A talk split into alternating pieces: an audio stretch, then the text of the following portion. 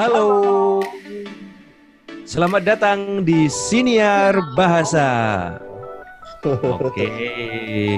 Halo semuanya, ini Halo. adalah Siniar Bahasa, sebuah program podcast Oh, atau siniar Mhm. yang dipandu oleh dua orang bersama saya Dewantoro Ratri. Dan saya eh, Sony, Sony Novian. Cakep. Hmm. Rekaman ini dibuat di dua kota, satu di sidoarjo, Satu di eh, Jakarta. Actually not Jakarta, oke. Let me change that. okay? Gua nggak di Jakarta, guys. Gua di yang bangga dong. gue sekarang di eh, Tangerang Selatan, Tangsel City. Hmm. Tangsel, Tangsel, Tangsel. Tangsel City. Tangsel City. Alright, good. Apa sih isinya siniar bahasa itu? Siniar bahasa itu akan berisi obrolan dua orang teman Hmm. ya yang terpisah oleh dua kota dipisahkan oleh satu provinsi Jawa Tengah dua kalau Jogja dihitung ya kan gitu Eh, tiga kalau Ya, Jakarta kalau dihitung Jakarta dihitung. Nah, ya ya ya, benar-benar.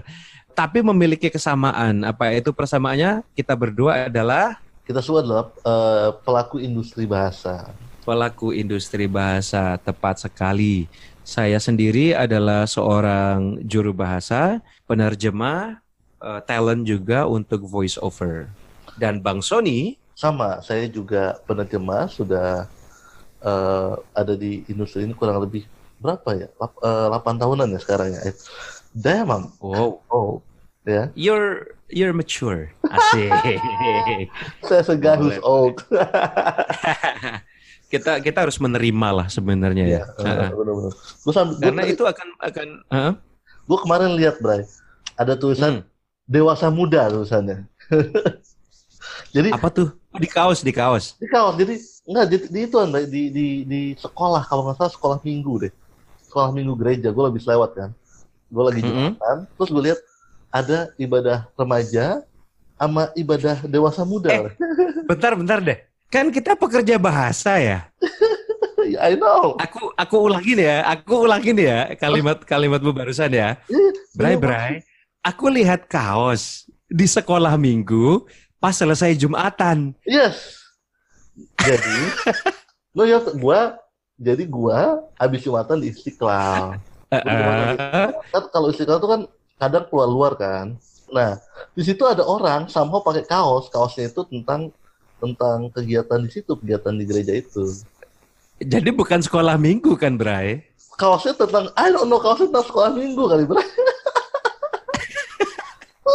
Jadi antara Jumatan antara Jumatan lu yang mundur ke hari Minggu No, no, no, no, no. atau teman-teman di gereja yang kegiatan sekolah ming- minggunya dimajuin ke hari Jumat gitu Atau- kali ya? atau some, atau that person simply pakai kaosnya aja, Bray, di hari Jumat. Oh, iya, ah, kalau gitu masuk akal. Oke, jadi saya dan Bang Sony adalah dua pekerja bahasa yang mencoba untuk tetap relevan Ayo, di industri 4.0 ini, di mana semuanya sudah menggurita di dunia digital, dan kita berdua ingin menandai keberadaan kita di dunia digital, meskipun untuk episode pertama ini belum ada videonya ya teman-teman, audio dulu. Jadi bisa disambi, eh, nyetir, disambi apa lagi Bray? Bisa dong, Bray, sambil masak, ya kan? Boleh sambil masak ya, bapak-bapak yang suka masak. So, Bray, cerita sedikit tentang how you finally end up in this industry, Bray. Alright, bagaimana saya masuk ke industri penjuru bahasaan? Ah, industri bahasa kali ya, industri bahasa. Oke, jadi background saya bahasa Inggris, eh, sekolah di dulu di Universitas Airlangga Surabaya. Kemudian ketika semester 4 udah mulai ngelesin gitu di Mhm, mhm, mhm. Primagama. Bahasa gitu. Hmm, Iya bahasa Inggris, bahasa Inggris gitu. Oke. Ketika aku kuliah itu sempat ada pekerjaan menjadi seorang eh, apa itu surveyor, Bray. Jadi datang ke rumah-rumah gitu, nanyain ibu pakai pasta gigi apa, ibu Oh, oke. pakai sabun apa, yang kayak gitu-gitu. Eh, jadi sering kali dulu kalau datang gitu lihat mukanya udah diusir gitu, Bray. Nggak nggak mas, nggak ada gitu. Anjir, dikira orang minta sumbangan. Nah, dari pekerjaan surveyor itu satu kali, satu kali, oke, aku dapat pekerjaan menjadi juru bahasa. tapi dalam kerangkanya sebagai surveyor, kerangkanya sebagai surveyor. Nah, jadi itu ada satu perusahaan motor India. Nah, mungkin teman-teman tahu logonya kuda warna merah. Nah, Gue nggak tahu bre. nah Ah Google tahu. Oke. Inisialnya aja ya. Eh, Depannya T, belakangnya S, tengahnya V. Nah, carilah perusahaan itu. Jadi Oke oke. ketika mereka pertama kali penetrasi ke Indonesia itu mereka membutuhkan surveyor ya tentunya ya karena pekerjaannya survei tetapi yang juga piawai berbahasa Inggris. Nah, waktu itu karena backgroundku bahasa Inggris ya sudah terimalah pekerjaan itu. Hmm. Singkat kata singkat cerita tiga hari di Surabaya dan mereka puas, Bray. Mereka puas artinya wah Dewa bahasa Inggrismu bagus gitu. Kemudian mereka bilang bulan depan kita mau ke Jakarta nih gitu. Ka- Kami pingin kamu ikut ke Jakarta. Hmm. Lah kemudian aku mikir ke Jakarta. I knew nothing about Jakarta. Pada saat itu aku nggak ngerti apa pun tentang Jakarta, lokasi nggak tahu, apa pun nggak tahu. I knew nothing about location. Kemudian mereka jawabnya gini, Bray, dengan logat India mereka Deva. Translation is more important than location. Jadi terjemahanmu itu lebih penting dari lokasi. Bisa lokasi bisa tanya lokasi bisa tanya orang, tanya siapa gitu, tapi terjemahanmu penting. Nah, akhirnya aku ikut ke Jakarta 10 hari gitu. Ah, pulang dari Jakarta bahagialah waktu itu 2004 aku buka-bukaan lah 2004 itu aku dibayar 150 ribu per hari Bray That's not bad. 2004 ya. 2004 150 ribu. Wow. ya yang kemudian aku ngobrol sama penerjemah yang lain akhir-akhir ini ya ketika aku cerita ini buat lucu-lucuan aja kemudian mereka bilang Dewa di tahun 2004 itu setidaknya kamu dapat 10 kali lipatnya gitu Em, Ya, aku tell me about it, man. Eh, eh, iya India India ini menang banyak nih. Tapi buat aku sama sekali no regrets gak ada penyesalan gitu. Kenapa? Karena waktu itu statusku guru kan sebenarnya. Guru yang kebetulan eh, lebih tepatnya statusnya masih mahasiswa waktu itu. Hmm. mahasiswa yang kebetulan dapat job menjadi interpreter. Hmm. Jadi itu sama sekali tidak menyesal. Kenapa? Karena dalam 10 hari itu berarti aku pulang bawa berapa tuh? Satu juta lima ratus ya. Mm-mm. Nah dari uang satu juta lima ratus itu di tahun 2004 aku pulang tuh udah bisa membayar kuliahku sendiri selama satu semester, Bray. That's not bad. Ya, that's not bad. Ya, bagus, itu benar, benar. Masih ada masih ada kembaliannya bisa Ya. bisa kasih itu buat uang saku gitu. Nah, tapi singkat kata singkat cerita setelah itu I stop. Setelah 2004 itu aku berhenti sama sekali nggak pernah pegang. Kemudian kerja jadi guru sampai suatu hari aku ketemu dengan kakak kelas ya. Ya, sebut saja inisialnya atau nama oke. samarannya gitu ya Mbak Bunga gitu Oh. ya. Nah, sama Mbak Bunga ini si, si Mbak Bunga ini lagi merintis usaha eh, agensi penerjemahan Bray gitu. Kemudian aku diminta untuk menjadi eh, penerjemahnya. Oke, aku ikut jadi penerjemahnya.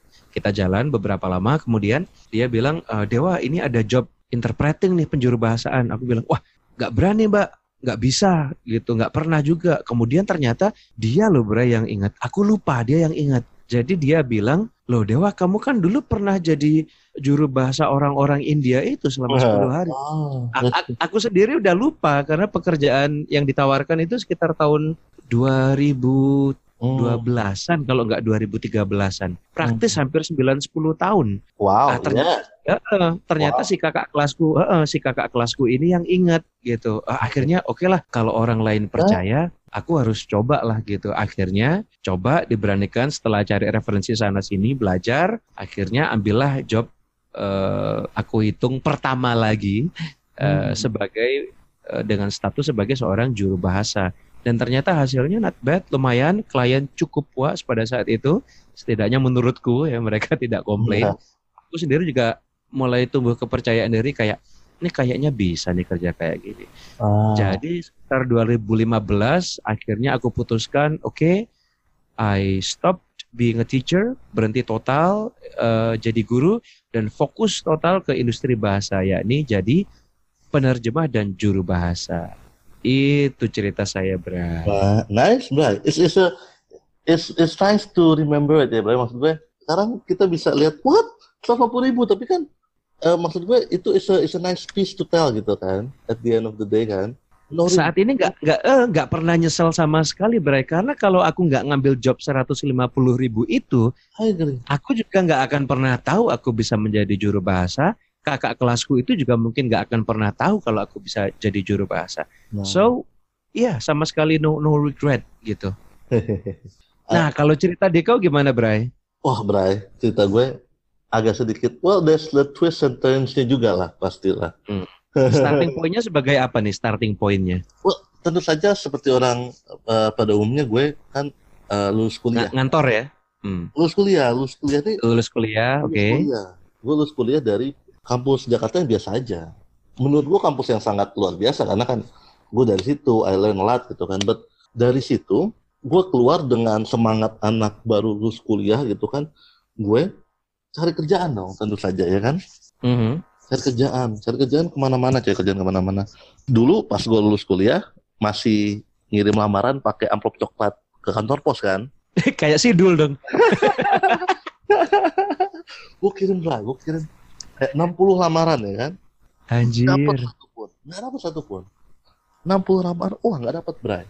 Luar biasa terus sih ketika gue SMA, ketika gue SMP, ketika gue kuliah, gue tau lah, I'm not a lot of things gitulah ya kan. I don't, I'm not that good at sports gitu kan.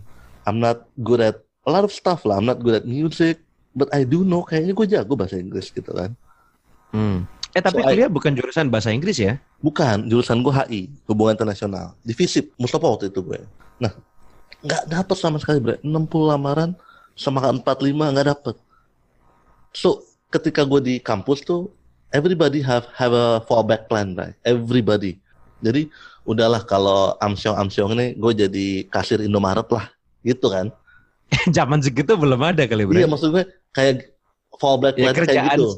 Eh, seperti itulah ya. Mhm. fallback plan kita harus punya kita nih karena kita kan dari kampus yang nggak benefit fallback plan gua adalah gua jadi call center bray udahlah gua Hmm. jadi call center ngambil call center pada saat itu gua dapat panggilan call center Hmm. call center, Perusahaan apa tuh? perusahaan perbankan waktu itu nah di situ ditanya di interview itu ditanya mau eh, ambil inter eh, call center bahasa Indonesia bahasa Inggris Eh, terus gue bilang dong tentu saja bahasa Inggris gitu kan dengan dengan semangat 45 nya gitu kan I know at least I know I'm good at English gitu kan Hmm. lalu gue ikut interview oke kalau gitu kita mulai bahasa Inggris eh, interview dengan bahasa Inggris gitu. oke interview Bray dua minggu kemudian gue dapat surat bahwa gue nggak diterima Waduh. Wah, gue gak diterima untuk jadi call center bahasa Inggris tuh gue ditolak, Bray. Jadi di situlah pertama kali gue tahu bahwa ada lembaga perbankan whatever gitu, ada lembaga yang melakukan tes dan ternyata I'm not good enough gitu kan. To me itu kan Hmm. is a big thing to me gitu kan. Gue nggak untuk jadi call center ngomong halo hi how are you tuh gue nggak bahkan gue nggak mampu gitu, nggak pantas buat mereka. Udahlah, jadi gue melupakan Hmm. itu bahasa Inggris. Jadi gue ngambil kerjaan akhirnya pada akhirnya you know ketika orang nyoba pasti dapat kerjaan gue dapat kerjaan di televisi di stasiun TV lah kerjaan di situ eh jadi production assistant gue itu production Hmm. assistant namanya keren ya kan kadang nggak pulang. Production Hmm. assistant tuh semuanya ngurusin lah. Nantilah kita ceritain di episode lain kalau ada waktu. Production assistant. It's a good place. Ya, a lot of a lot of good friends gitu kan. Tapi setelah beberapa tahun di situ tiba-tiba out of the blue ada orang eh, bilang son gue kerja sebagai language assistant nih di peru- di perusahaan consulting company di consulting pada saat itu itu adalah perusahaan consulting company nomor satu di dunia Bray consulting company nomor satu di dunia. pada saat gue ditawarin kerjaan itu ya lu mau coba nggak Hmm. interviewnya gitu.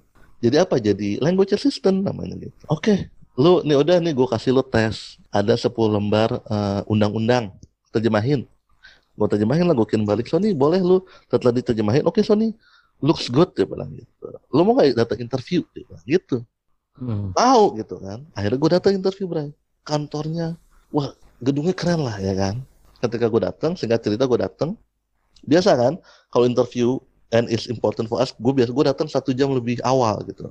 Hmm. Gue datang satu jam lebih awal gue datang. Tapi ketika gue sampai di depan liftnya, gue inget lagi itu, itu orang gitu, itu manusia yang bilang e, maaf mas nggak diterima gitu. Gue inget lagi tuh, call center itu, Yang dari yang dari call center bank tadi ya? gue kalau bagi bank call center aja gue nggak mampu, apalagi di sini gitu. Jadi gue decide untuk tidak datang interview. Udah sampai gue keluar. Serius? Keluar gue dari gedung itu. Gue keluar dari gedung itu lalu gue nongkrong di Udah nyampe, udah udah nyampe di gedungnya tuh. udah sampai, sampai di liftnya. Gue Udah- tinggal mencet liftnya doang. Tinggal Udah- mencet liftnya doang, Udah pakai jiper. udah pakai dasi gue, Bray. You have to imagine I don't have anything else except English gitu kan at that time. Lalu kemudian Ya ampun. ada mana? Akhirnya gue nongkrong Hmm. lah di mall. Udah nggak punya duit ya kan, nongkrong di mall ya kan. Mall seberangnya lah, gue nongkrong di mall seberangnya. Udahlah kan, luntang lantung kan di mall kan. Tiba-tiba ada Hmm. perempuan gitu, Bray. Ada perempuan eh, keturunan Asia lah. Perempuan keturunan Asia kayak Hmm. kebingungan gitu. Terus dia lihat orang, biasa kan kalau orang nggak bisa bahasa Indonesia zaman dulu kan dia nanya pakai bahasa Inggris kan orang Indonesia kayak nggak tahu nggak tahu gitu kan nggak tahu nggak tahu. Iya, iya, iya. jalan lagi nggak tahu nggak tahu nggak jalan lagi gitu kan. Satpam pun dia tanya satpamnya pada saat itu nggak bisa bahasa Inggris pada saat itu ya. Lo tanya dong "Eh, kenapa gitu. Ini jadi gue baru tiba di sini kata dia gitu. Tapi koper gue ketinggalan gitu. Koper gue akan dikirimkan nanti di flight berikutnya. Gue butuh eh, beli baju gitu. gue butuh beli baju sama beli pakaian dalam gitu. I need a pair of underwear. Undies dia bilang gitu. Mhm. bisa temenin nggak gitu so, soalnya gue nanya gue nanya macam-macam nggak ini nggak nggak ada yang bisa ngasih gitu. Dia pengen biasa dia pengen Hmm. specific size maybe I don't know gitu kan. Ya, akhirnya gue temenin Bray. Gue temenin Hmm. beli beli baju lah beli baju beli pakaian dalam juga gitu kan. Ngobrol-ngobrol kan sepanjang perjalanan itu dia bilang wow you have a very nice uh, English and accent dia bilang gitu kan. Eh gue seingat gue tim gue butuh penerjemah deh dia bilang gitu lo mau nggak datang ke kantor gue besok? Dia bilang gitu. Udah nggak usah ini nggak usah eh, segala macem lah nggak usah interview segala macem. Datang aja ketemu koordinator tim gue nanti I'll vouch for you dia bilang gitu. Hmm. oh ya udah gue bilang gitu kan. Nggak apa-apa. Besoknya gue datang lagi. Ternyata kantornya sama Bray. Lah, jadi gue tadi di interview. Jangan-jangan jangan-jangan lowongan yang dimaksud si perempuan tadi itu yang gue Yang- out maybe. Mau belang ya ampun. Aduh. Jadi di situ gue baru kenal dunia interpreting kan? Dari situ gue gokil. Ya di di perusahaan konsultan itu you you meet a lot of good people lah. You meet a lot of great people actually kan. Di situ kan lu un- belajar untuk Mhm. memberikan eh, masukan eh, pendapat ke CEO perusahaan, ke direktur, ke manajer, ke ke bagaimana melakukan transformasi perusahaan. So I learn a lot gitu kan. Dan situ tuh berkembang skill gue dan di situ mereka provide good training gitu, untuk menjadi interpreter yang baik gitu. Dari situ gue pindah ke kedutaan Amerika. Kalau orang, iyalah kalau orang kerja di kedutaan Amerika, at the end of the day lu pasti nerjemahin lah buat para pejabat Amerika, Obama, eh Condoleezza Rice waktu itu, Senator Hillary waktu itu, gitu-gitu. Hmm. Dan dan I move full time menjadi juru bahasa gitu. So, eh, di kedutaan itu gue di bagian penegakan hukum lingkungan hidup lah, in short gitu Mhm. di departemen Mhm. kehakiman di depan Department of Justice-nya Amerika Serikat. We do a lot Ya, of ya. trainings gitu-gitu. Dari situ Mhm. gue coba satu job lagi, gue coba satu job lagi. Mirip-mirip sih. Waktu itu gue tawarin di perusahaan farmasi menangani salah satu communication juga kayak komunikasi keluar, komunikasi ke dalam gitu. Jadi gue di bawah di bawah country presidennya waktu itu, CEO-nya namanya country eh, di situ posisinya namanya country president. Jadi gue yang manage komunikasi dari country president itu keluar dan ke dalam gitu. Ke fellow employees dan juga ke klien atau ke external parties gitu. Dari situ baru deh kangen gue sama dunia bahasa gitu. Jadi gue full time di juru bahasa. Mantap. Oke. Em, seperti untuk episode pertama ini cukup ya, Abang Sony? Definitely, Bray. Definitely. Terima kasih Em, sudah mendengarkan. terima kasih sudah mendengarkan. Kalau mau kenalan sama kita lebih lanjut, di deskripsi akan dituliskan nanti alamat Instagram dari saya, Dewantoro Ratri, dan Dan saya Sony, Sony Novian. juga ada website kita. Eh, saya punya website sendiri di www.penerjemahsurabaya.id. Kalau Bang Sony? Uh, well, uh, saya punya uh, website agency sih. Atau, uh, Boleh. ya kan? Nantilah itu website Boleh. agency. Boleh gak masalah Boleh, boleh. bebas. Saya uh, www.makna.net dan juga Instagram gue follow dong. Kurang nih, followers gue masih dikit. Sama sama kita kita bertumbuhnya organik aja ya. Iya, iya, I agree. Uh, Ah, ah, apa, ah. Bray? Uh, Instagram gue, Bray? Oh, Sony tahu dong. Eh, Iya, eh, at at Sony titik Novian. Ya, Instagram saya ada di at penerjemah underscore Surabaya. Surabaya. Oke. Oke. Oke, terima kasih teman-teman yang sudah mendengarkan. Terima kasih Bang Sony untuk episode pertama ya. Eh, di bagian penutup ini kami ingin berbagi bahwa eh, nanti akan dibahas lebih lanjut alasan kami mem- membuat siniar ini secara berpartner juga, tetapi setidaknya kami ingin berbagi semangat itu yang pertama. Kami ingin berbagi semangat untuk terus berkembang. Yang kedua kami ingin memperkenalkan dunia industri bahasa ini kepada teman-teman semuanya. Totally agree. Totally agree. Oke, Sampai jumpa. terima kasih sudah mendengarkan. Sampai jumpa.